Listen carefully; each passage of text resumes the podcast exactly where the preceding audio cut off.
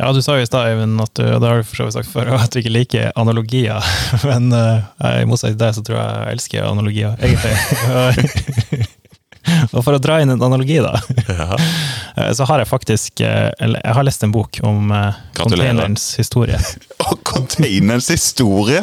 Av, av alle sære ting man kan bruke tida på. Så jeg har faktisk lest en bok- om det. da. Altså Ikke, ikke software-containeren, men liksom skipsbilcontaineren. De her 20-40 fot store sakene. da. Og det jeg tenker etter å ha hørt den samtalen her, er at det høres så likt ut.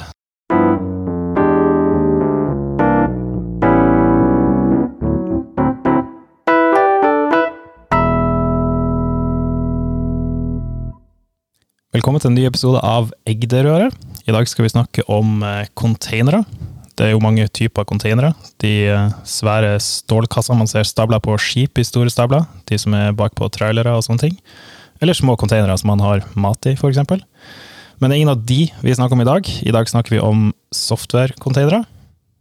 Vi skal snakke om hva er det her for noe, hvorfor er det så populært, um, og hva er det hva man bruker det til, egentlig. Og i dag har vi med oss eh, to veldig erfarne folk som har masse bra å si om det her.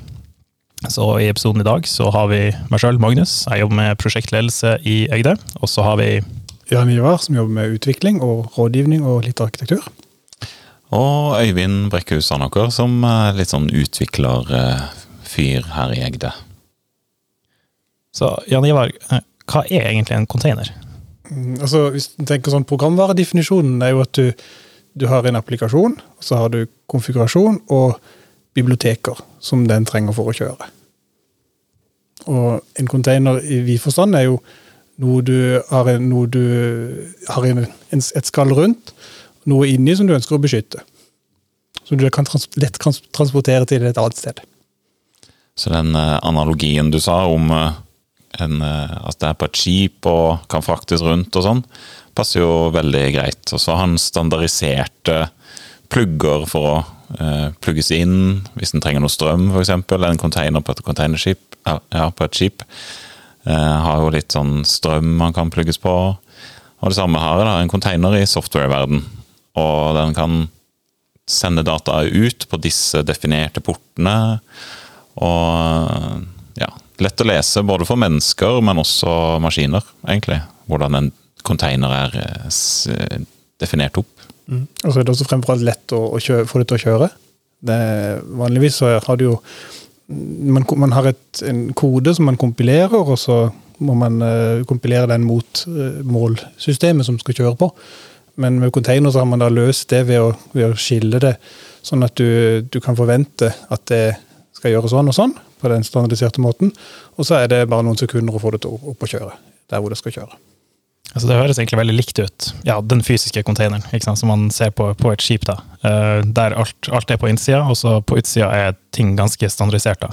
Uh, hvis det er ting som kjøles, f.eks., så står jo det kanskje på et skip, og så blir det transportert til en havn, og så blir det bare satt på en sånn trailer, eller hva det heter. Mm.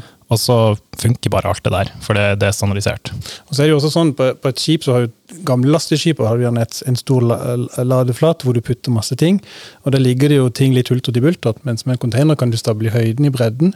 Større skip, mange containere. Og Sånn er det også i softwareverden. At du kan, eh, Det er mye lettere å kjøre mange ting hvis du har containere. Ja, mange ting. Er det, hvorfor er det man er, så opptatt av containere? Eller hva er det som gjør dem så bra? Eh, du sier når man kjører mange ting, hva Sånn i eh, Litt tilbake i tid så var det veldig mye Du installerte et operativsystem, f.eks. Windows eller Linux eller FreeBSD eller et eller annet sånn obskurt Unix-system.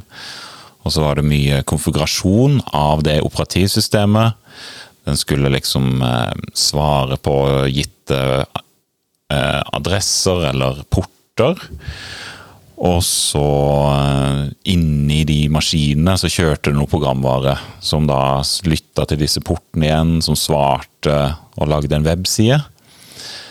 Men så fant man, man vel ut at å ha en hel maskin til å passe på alt dette, all den konfigurasjonen som måtte passe veldig bra, og hvis du da skulle kjøre flere applikasjoner på den maskinen, så måtte du ta veldig hensyn til andre ting som kjørte på den maskinen. Og så måtte du tenke på ting som eh, diskplass. eh, Og hvis du skulle f.eks. flytte en applikasjon til et annet miljø, f.eks. flytte det fra Oslo til Gjøvik, eller noe sånt, så måtte du passe på å eh, ta hele den maskinen og alt annet den var avhengig av, og flytte med den, enten virtualisert eller eh, fysisk. Men eh, med sånne containerstandarder, da, så var det egentlig bare en fil du flytta. Og så hadde den alt den trengte inni den fila. Om det var, den hadde sitt eget operativsystem. Ja, ikke helt, da. Ja, Ja, fordi um, man har jo noe som heter uh, en server, så har du virtualisering. Så hvis du går til Microsoft og spør hva, hva er en container, så sier Microsoft ja, det fins VM-er og det fins containere. Altså virtuelle maskiner. Og Da er det jo gjerne forskjellen mellom en virtuell maskin som, som er, er noe som, som du, kan kjøre mange av på én server, uh, som også har et OS, som det du sa. Men, mens en container ikke har et OS. Men det den har, den, har, uh, eh, den er forberedt for et OS. Så har den alt, den alt den trenger for å kunne snakke mot et OS, men har ikke selve OS-et. mm, Eh, Så derfor så, treng, så hvis du skal kjøre en container, så, og den er bygget for Linux f.eks., så kan du ikke kjøre den på en Windows-host, Mm. og motsatt. mm, Så det, det er litt sånn Hvis du har et skip hvor du har en container som, som eh, er for eksempel optimert for kjøling, og en annen container som er optimert for dyretransport, så kan du ikke laste de på samme skip. mm. De er optimert for forskjellige typer containere. Men innenfor eh, visse grenser da, så kan du bare flytte den container rundt som, som du vil. da. Og det høres jo atskillig enklere ut enn eh, enn sånn, som, sånn som det var da, som du beskrev i stad, Øyvind. Med alle de tingene du er avhengig av på maskinen. Altså, Det må være med. Du kan ikke bare flytte softwaren over, for du vet ikke Du, du, må, ha, du må ha med deg alt. Og det er det, det, er det containeren gjør, rett og slett. Den, den pakker med alt du trenger for å, for å kjøre det her, eh, og ta det videre. Og det er den, eh, Det man ofte, da, når man bevegde seg fra disse maskinene som var spesialtilpassa, f.eks. å kjøre en eh, webserver, type Apache eller IES i Windows-verdenen eller noe sånt, så kom det noe som het eh, Docker. Og det var liksom det første som slo an, da, i hvert fall. Det er sikkert noen andre initiativer som var tålelig like, men det var på en måte Docker som kom, og det var det det var det som slo litt an, da. Ble på en måte en sånn slags buzzword der i en, eh, i en periode, i hvert fall. Og eh, tenkte bare at vi, vi eh, vet at Docker er én type teknologi som kan kjøre en eh, container. Men heldigvis, grunnen da, til at disse containerne egentlig har slått litt an, er at eh, Eh, man fant egentlig ut ganske fort at dette var en veldig god løsning. eh, løsning. Så vi må eh, standardisere dette. Så hvis noen andre skal gjøre noe tilsvarende, så gjør de det ikke på en ny måte, men vi setter oss ned, og så finner vi, altså vi, da, alle de store tech-selskapene, setter seg ned og finner ut av hvordan kan vi eh, gjøre dette bra nå, og ha litt støtte for framtida.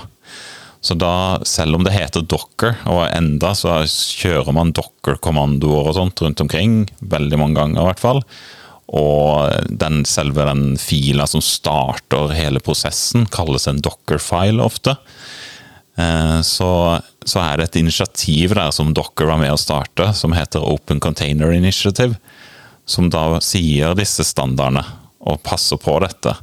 Så det er sikkert mange som har hørt om Docker-containere og Docker Images og Docker Compose og sånn ting som kan hjelpe deg i en sånn containerverden.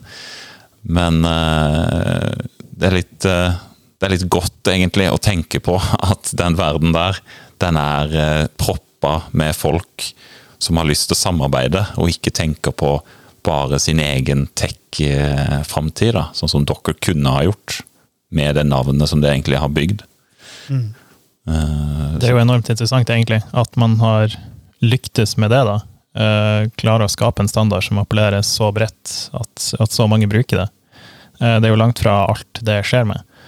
Og er ikke det så tidlig, eller så sent som 2013, at man, man kom i gang med det? Eh, Det er ganske bra. Mm. Og eh, bare for å skryte enda mer av sånne initiativer, så det er OCI, eller Open Container Initiative, som det heter, da, det bygger på noe som heter Linux Foundation, eller det er de som eier det. Og de eier også et annet stort sånn eh, eh, Ja, slags eh, ja, Som heter CNCF, Cloud Native Computing Foundation. Så det er liksom de Linux Foundation, da, som egentlig har starta hele greia, de, de er virkelig på, på lag med de fleste. Det er litt eh, bra at, eh, at en sånn organisasjon da, har tatt, eh, tatt så stort ansvar for mye av det som drifter hele internettverden. Hvordan er det det å bruke containere hjelper dere som, som utviklere? Hva er, det, hva er det dere får mest ut av det? Nei, når Jan Ivar og meg skal samarbeide på noen prosjekter, så, så kan jeg si at nå er den containeren ferdig. Nå er API klart. Nå kan du lage en frontend. Mm. Så da kan han kan du bare få den fila, håper jeg å si. Så lage ren container til, som du har frontend. Mm. Og så sender vi, vi to de til vår byggmester, som da putter begge containerne inn på noe som vi sikkert kommer tilbake til. eh, En orkestreringsplattform for containere. Eh, Og eh, ja, fordelen er jo for, for sånn som Altså, det er noe som du kan gjøre og kjøre lokalt, men det er også noe som fungerer veldig godt i sånne byggepipelines. Fordi du kan sende koden til f.eks. til Git, og så sier du til Git ja, bygg en container. I, via å bruke den dokkerfilen som jeg sender også inn. Og så trenger ikke jeg tenke mer. For der ligger den klar til å kjøres ut. Og sånn eh, for å forstå hvor utbredt dette er, så eh, eh, Egentlig alt eh, Garantert eh, Kanskje i TV-en også, så kjører det en container. Alt er liksom Alt er det nå for tida.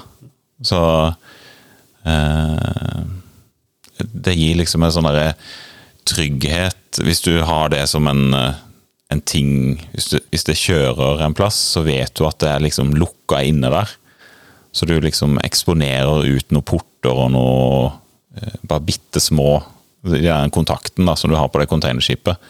Så du liksom eh, passer på at eh, den snakker bare på den og den måten som du har spesifisert. Så du slipper å tenke på mye av det rundt. da. Så er det en annen ting som er interessant hvis en tenker roller, da, så, så er jo ofte det at utvikleren siden det er på sånn, den, den, den type utvikler som går ned i grøten, de, de jobber stort sett til der hvor containeren blir oppretta. Og, så- og så jobber de videre innen, innenfor containeren. Mens eh, en DevOps-utvikler eh, jobber gjerne med en ferdig container. Eh, og, og sørge for at den kommer ut i riktig miljø, og har riktig testrigg, eh, riktig byggerigg osv. Så. Eh, så så det er en interessant ting at containeren faktisk Litt sånn som når du laster containeren på et skip, så er det andre folk som overtar. Mm. Så du har muligheten til det, fordi at du har disse grensesnitta i, eller bounded context da, i den containeren. Du blir ikke avhengig av, av noen andre for det du skal gjøre, rett og slett.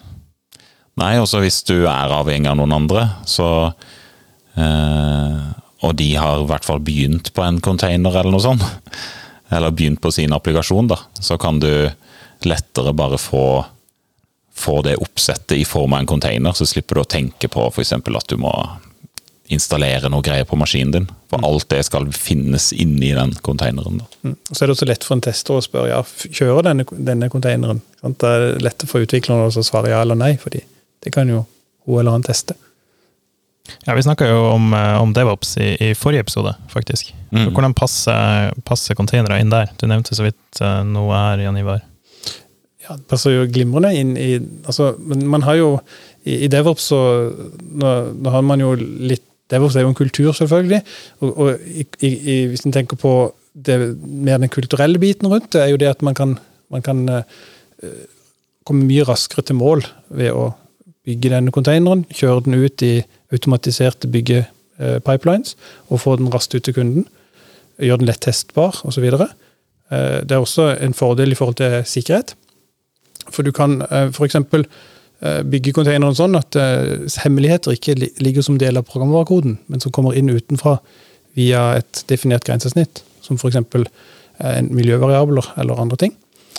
Og så er det en fordel for eh, ja, altså det tekniske ved at du eh, ja, du, du kan lage f.eks. En, en versjonering av containere. Du lager en versjon 1.0.1, og så har du en ny versjon som kommer, og så kan du rulle tilbake veldig lett. Du trenger ikke bygge programvaren på nytt. Den, er- Mm. den ligger allerede klar i en, i en containerregister, slags database. Altså sånn i sånn DevOps, eh, slags hierarki, da, så eh, er det veldig lett å se for seg at uh, den kunnskapen rundt container, og at du har virkelig At du virkelig forstår, du trenger ikke forstå det sånn megagodt, men i hvert fall skjønner de konseptene her, da. Det er veldig viktig. Hvis du skal uh, klare å bevege deg i fort da med programutvikling, som egentlig DevOps kan hjelpe deg å enable. Og spesielt dette med versjonering. Eh, Jeg liker veldig godt det der prinsippet at du, du bygger tinga dine én gang. Og da, når du gjør det, så må du jo ha en plass å putte det, sånn at du kan gjenbruke det. Og det er jo der de containerne kommer. At eh, da har du en versjon som alltid vil være lik i alle miljøer. Måten du manipulerer den, er å sende inn argumenter som da vil eh, forandre oppførselen inni containeren, men eh, koden er den samme. Sånn at du vet at når du i hvert fall har testa den på et veldig eh, lavt eller høyt nivå, kommer an på hvordan du ser det, men liksom testa at, at eh, den if-setninga svarer eh, false når du sender inn sånne ting, at det alltid er det samme. da.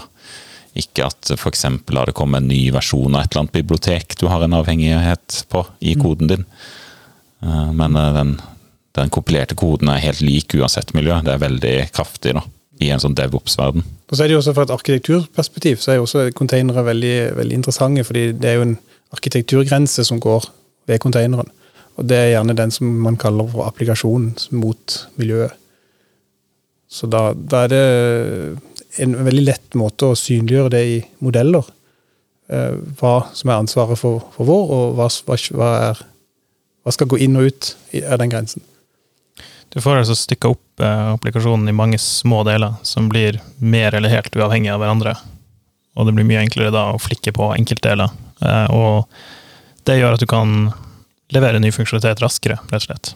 For du, du har ikke én svær sak som du, du er avhengig av når du skal gjøre bare en liten endring et sted.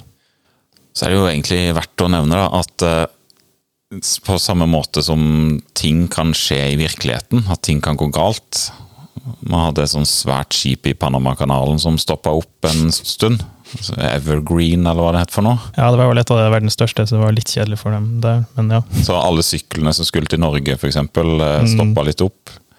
Som påvirka en god del. Eh, Det samme gjelder jo egentlig litt sånn eh, containerne da, i software-verden. At eh, de, som Jan Jeniva sier, det, de kjører på et OS, eh, den, selve den runtimen da, for en container. Kjører på et OS, type Linux, Ubuntu eller lignende. Windows. Windows òg, men da har du ikke de samme isoleringskapabilitetene helt ennå.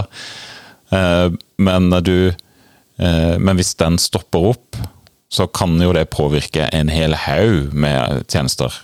La oss si at du har en kjempesvær VM som kjører masse containere. Og så går den litt på skeiva i en kanal, og så begynner alt å hope seg opp, og så eh, får du et mye større problem enn om du bare hadde deploya eh, tjenestene dine til, eh, til en VM. Og der kommer jo man egentlig inn på eh, å løfte det takk med å tenke på hvordan kan man eh, orkestrere eh, mange maskiner som kjører mange containere.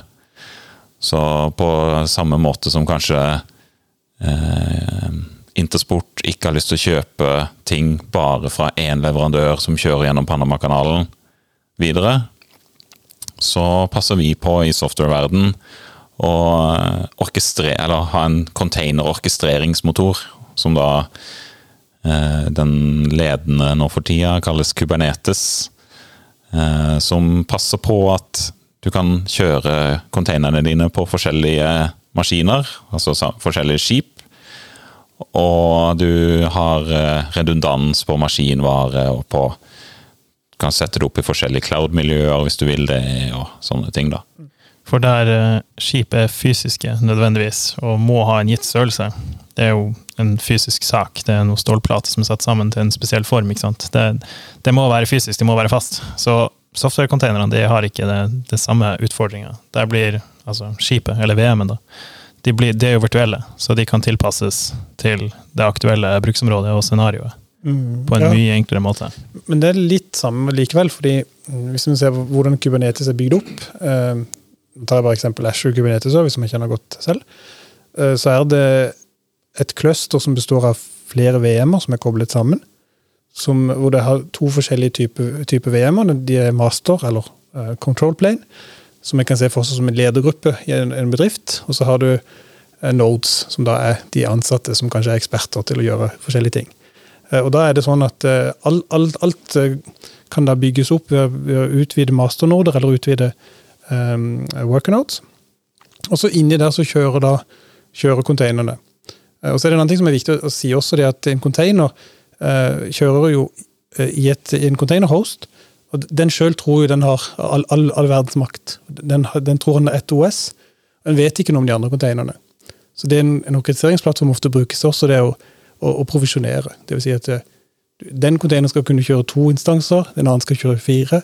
Og, og, og så skal den skaleres opp og ned, avhengig av hva den trenger.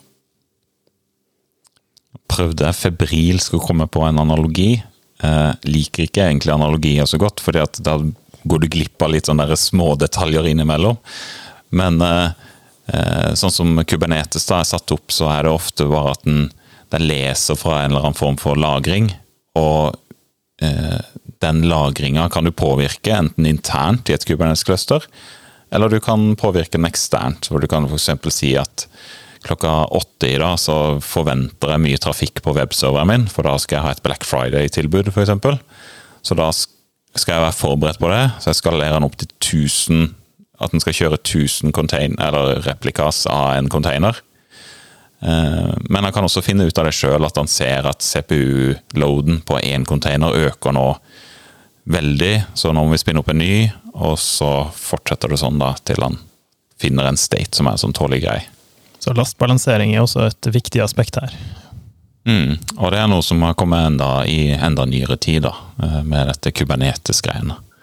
Før det så var det jo litt mer eh, manuelt. Eh, Men ja, sånn som de fleste IT-bedrifter nå, så kjører man en form for orkestrering og lastbalansering og alt sånt da, inni i. Men det kan være alt fra Kubernetes, men også alle sånn cloud-leverandører nå har det bakt inn i sine eh, sine offerings da, på det, hvordan man hoster en applikasjon. Er det i, i prinsippet det samme som lastbalanseringstjenester som eh, skyleverandørene ellers har? Det som, det som man får ut av Kubernetes her. Et eksempel er jo å sammenligne AppService i Azure med, med Kubernetes. Mm. Da har man jo I AppService så, så kan man jo enten kjøre koden rett inn, eller du kan også kjøre inn en container. Eh, Og velge da om du skal kjøre den på Linux eller, eller på Windows i, i Azure. Og også hvilket operativsystem den eh, er bygget for. Og Der kan du da også definere hvor mange instanser den skal kunne kjøre og skalere opp eller ned, avhengig av litt metrics og litt sånne ting. Så på mange måter så er AppService en, en konkurrent til Kubernetes, samtidig som det ikke er det. For Kubernetes krever mer kompetanse, men det er også mer muligheter. Så det er litt som en, eh, ja, en Peugeot kontra en Rolls-Royce, kanskje. ja, kanskje. Betyr det at eh, det er mest aktuelt for litt sånn større selskap, litt større applikasjoner nettstedet? Hvis du, skal, hvis du skal ha litt sånn mer kontroll på nettverkstrafikk, f.eks. Internt i Hvis du har eh, internt mellom containerne. Det er sånn at den containeren har lov til å snakke med den, kon- en, andre, en annen container. Den skal ikke nødvendigvis nås fra internett, men den skal nås fra internett via, via, via, via. Hvis du er litt sånn i den gata, da er det lurt å bruke noe sånn som Kubernetes, hvor du kan orkestrere det litt mer, og ikke bare det med lastbalansering, men også liksom tilgangskontroll og eh, hvem som har lov til å nå hva. Men i disse tjenestene som Asher tilbyr, som f.eks. AppService, hvor du kan spinne opp én container, egentlig. Det er det det er lagd mest for. De har prøvd å introdusere at du kan kjøre noen flere der og sånn, men da har du ikke like mye krefter, eller cap capabilities til å manipulere. Evne til å tilpasse. Evne. Men det, det er også en, en ting, altså ja, det, du, du kan jo, hvis du, hvis du befinner deg innenfor Asher-verden eller IWS-verden, eller Google Cloud-verden, så, så, vil du jo finne mye av de samme tingene med at de da heter forskjellige skytjenester. Mm. Det er nettverkstjeneste, eh, compute-tjeneste som, som AppService osv. Mens i Kubernetes så har du på en måte alt et sted. Og du kan bruke YAML-filer til å konfigurere alt. Det er ett språk. Eh, så det er en veldig fordel hvis du skal optimere kapabiliteter i forhold til kompetansebygging på, på DevOps-ressurser. Mm. Så, så, er veien raskere til mål ved å bruke Kubernetes. Så Kubernetes det er litt mer retta mot de som, organisasjonene som, eh, som har litt eh, kom, Eller kompetanse og da folk da, som har lyst til å konfigurere litt, og som er litt sånn DevOps ekstra interessert. Mens hvis du er en bedrift som har en nettside en, og en database, og lever greit med det, så trenger du ikke alt det greiene her. Eh, men, eh, men hvis du da f.eks. går til en tilbyder som kan eh, samlokalisere litt flere tjenester, så ville jo det vært billigere, egentlig. Helt sånn, hvis du tenker penger og sånt. Da. Men hvis du kommer tilbake til containeren, da vi snakker litt om orkestrering, så så er det jo samme containeren som kjører i AppService og i, i, Kubernetes. Så hvis en bedrift eh, ønsker å bygge seg opp, kan de jo veldig greit begynne med en AppService, for det er et par klikk. Og så de, bygger de samtidig opp en, en rigg, og så flytter de over alt inn i Kubernetes senere. Og så er det jo også verdt å nevne at uh, vi snakker om at du må ha en container uh, for å kunne gjøre det. Det kan man fort si, i hvert fall. Men alt kan kjøres som en container nå for tida. Så databaser til små applikasjoner til sikkert egne OS-er. Eh, og Kubernetes i seg sjøl kan kjøre som en container. Så du kan jo liksom lage en container i en container i en container. Og, ja. Så det eh, Hvis noen har lyst til å gå ned den gata med å tilby tjenestene sine som en container, så er det mulig. Punktum. Det er mange som liksom tenker at ah, det må være en svær jobb. Nei, det er det ikke. Men det, det er lurt å dele opp sånn som Ref. Magnus eh, i forhold til monolitt kontra mikrotjenester. Så er det lettere å bygge en, en mikrotjeneste som container enn å bygge et, en monolitt. Eh, så det, det, man, man, blir lært opp til å tenke i, i mindre, mindre, enheter, og det tror jeg er en veldig sunn utvikling. Mm. Veldig enig. Orkestrering er jo egentlig veldig sånn det er jo sånn fint beskrivende ord. Eh, når jeg hører det, så tenker jeg egentlig, da tenker jeg rett og slett orkester. I et, I, et, sånt orkester så, så, er det jo det er mange forskjellige instrumenter som bidrar med sitt i løpet av sangen. Og i løpet av sangen, eller ikke sangen, da, men i løpet av, av stykket, da, musikkstykket, for å bruke et mer nøyaktig ord når man snakker om det, eh, så er det jo forskjellige deler der eh, mange er involvert, og så er det bare kanskje noen få fløytespillere, eller noe sånt, og så har du mange igjen. Og det er jo liksom dirigenten som sørger for at det her skjer. Ja, bare Kubernetes ville vært et orkester med kanskje tre like dirigenter som står på hver sin side og har en tredjedels ansvar for, hver, for, for hvert, sin del. Kanskje en for uh, ja, Det vil typisk være at kanskje ikke alle blåserne jobber på den tingen, men noen uh, jobber litt på tvers. Uh, og da, da vil, du, vil, du, akkurat få det til at dirigenten spiller jo ikke sjøl, men sørger for at ting blir gjort riktig. Og det er sånn som, som Kubernetes også, jobber, da, med, med disse masternodene. Hvis man ser på de, eh, for å få et begrep om hvor utbredt det faktisk er, hvis man ser på ja, si de ti største nettstedene i, i, Norge, da, eh, og hvordan man drifter de, eh, hvor mange av de er det som bruker containere og orkestrering i, i sine løsninger? Det er jo alle. Ja, det er alle. Men sånn um, kan jo touche litt bort i hva slags ting det kan kan dra nytte sånn i to, litt sånn større bilder, da.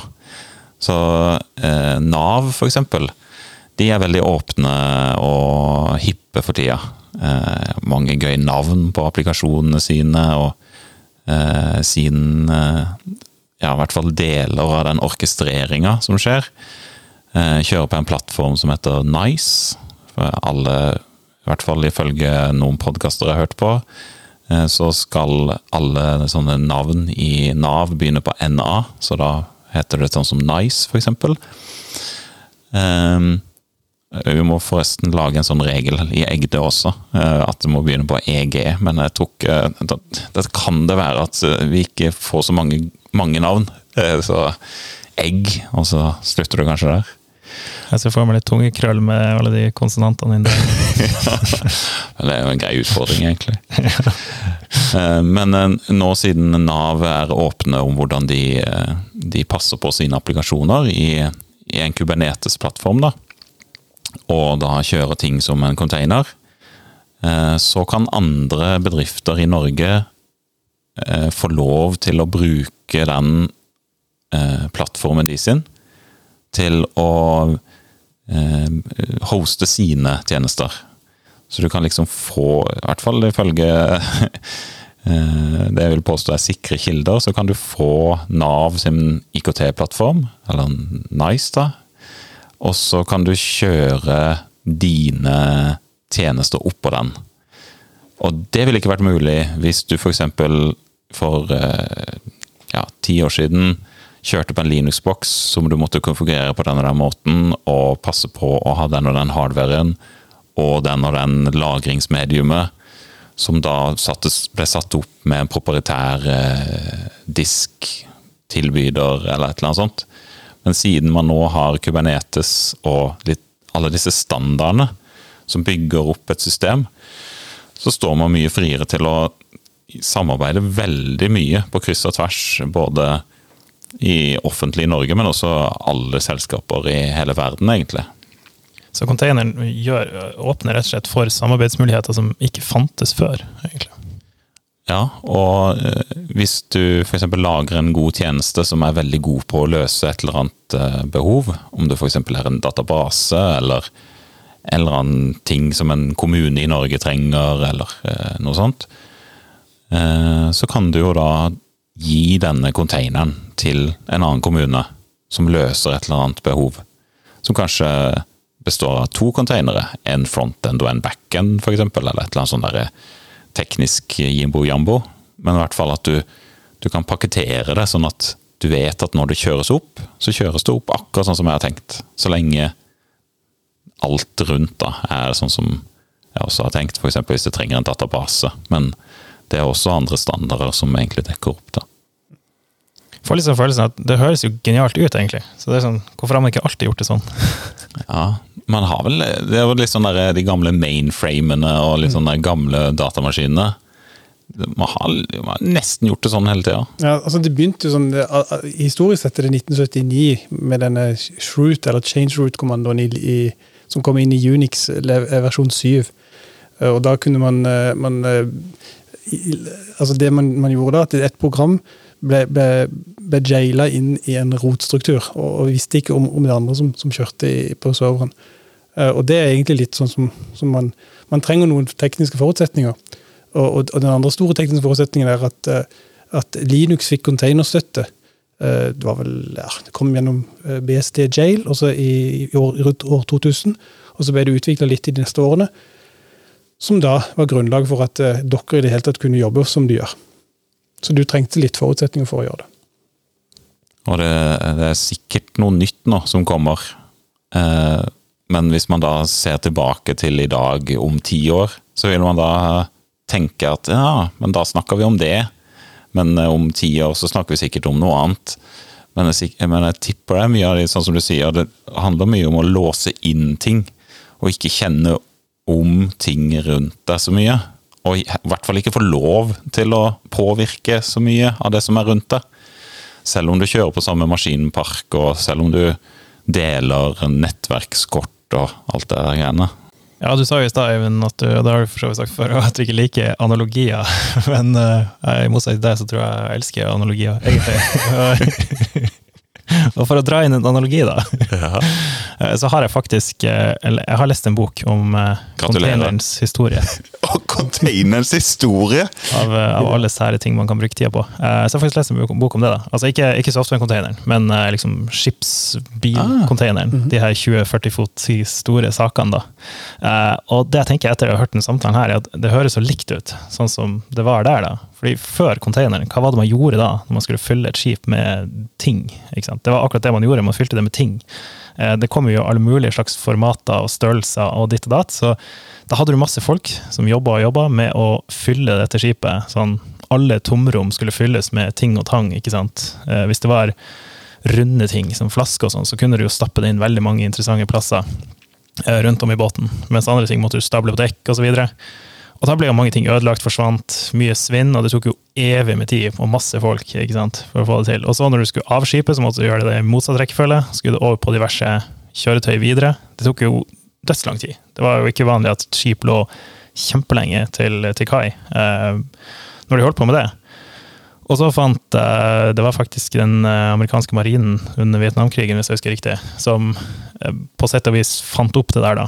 Eh, og med, med containeren.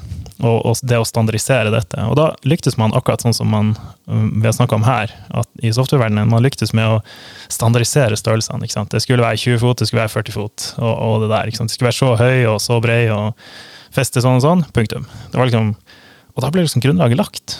Nå så er det jo, Et av vårt kontor er jo ved havna. Og Der kommer det jo containerskip hele tida.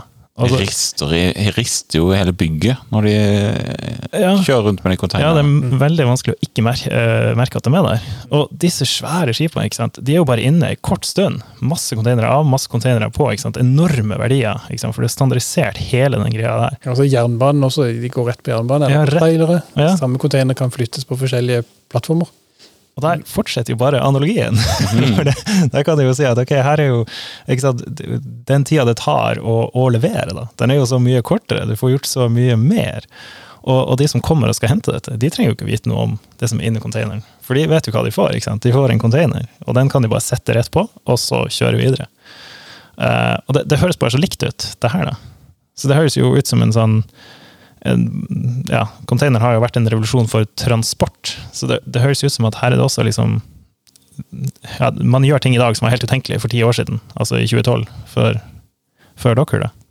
Det som eh, For eksempel, siden jeg ikke liker analogier eh, Litt sånn satt på spissen. Men fordi at eh, for eksempel nå, eh, det som er litt sånn hipt og kult nå for tida, i den software-container-verden, som hvis man skulle fulgt den analogien, ikke ville passa inn i software-analogien, er virtuelle containere. Nei, virtuelle Jo, virtuelle containere. Det, Da blir det komplisert her. det funker ikke helt i den eh, eh, fysiske verden. Nei, da blir det veldig avansert her. Ja, eh, da du, må du tenke litt abstrakt. Men det er det som sånn, Før så har man tenkt at en container-host den skal kjøre containere. Nå skal du ikke tenke på den container-hosten, du skal bare kjøre en container. Eh, Det er det, er det ny, nyeste, sånn ish i hvert fall. Det er alltid noe nytt, men det er ganske nytt. Par år gammelt, hvor de har begynt å introdusere det. Er det på et uh, modent nivå? Altså, man, bruker man det av en viss størrelse nå? Eller det er mer sånn Ja, for eksempel burst. eh, Hvis du får en sånn massiv peak i trafikk, eh, så vil en virtuell container kunne spinnes opp mye fortere enn at du må Ja, jeg skal bare hente den maskinen, og så plugge den i strømmen, og så skal jeg eh, installere et OS på den, og så kan jeg motta trafikk. Så en virtuell container kan spinnes opp på sekunder, så du kan ja, hvis du kommer til å tjene en milliard kroner de neste to timene, og så kommer du til å gå tilbake på den vanlige 100 kroner timen eh, eller inntjeninga, så kan det være lurt å ha et system som støtter at ikke du trenger en sånn himla maskinpark eh, eh, veldig lenge, men kan spinne opp veldig fort. Men det er jo også andre typer containere hvis du tenker den virkelige verden, altså som en, en transportcontainer. Det er også sånne containere som du bruker for eksempel når en, når en skole skal bygges om, så står det en container som er stabla oppover klasserommene, står, hver, står i form av containere. Og Det er jo litt sånn som, som dette. De kan du veldig fort bygge opp, veldig fort bygge ned, Mm. og bruke de eh, når du trenger de. Så det er jo litt sånn som, som software-container også gjøres. Det er jo ikke for å ja, det er jo selvfølgelig for å transportere, men det er hovedsakelig for å kjøre. Og kjøre der hvor du skal ha det. Ja, sant det.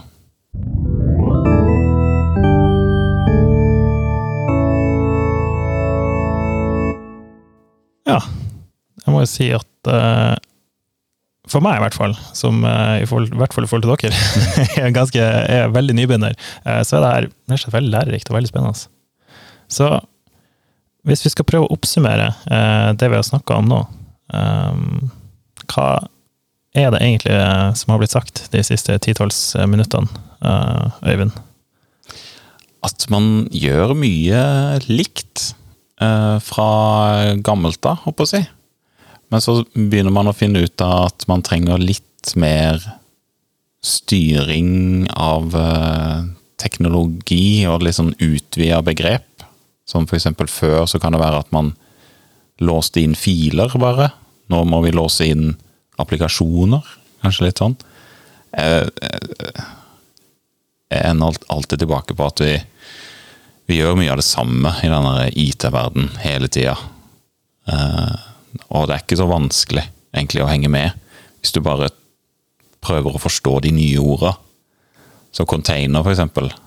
Det er bare noe nytt av noe annet du egentlig kan. Kanskje en zip-fil? Kanskje du kan dra noe analogi tilbake til den. Uh, det er liksom Ja. Ja, den inneholder jo alt du trenger. Eh, så hvis du klarte å laste den helt ned så ikke filen ble korrupt, så pleide det å funke. ja. ja, Jan Ivar, hva, hva, hva, har du fått ut av samtalen? Ja, jeg syns jo den, den analogien mellom, mellom den software-verden og, og, den virkelige verden, at man, man egentlig over hele fjøla ser at standardisering fører til mer effektiv eh, transport, eller eh, distribusjon, og Eh, eh, det å kjøre ting på en effektiv måte, eh, og at det er noe som, ja, som er nok noe som, som, vi er midt oppi, som kanskje også kommer til å utvikle seg videre. Men akkurat nå så er vi på en måte på containerens gullalder. Ja, det, det, høres litt sånn ut, og det blir sikkert bare mer spennende fremover. Så med det, det var nok en episode med Egderøret.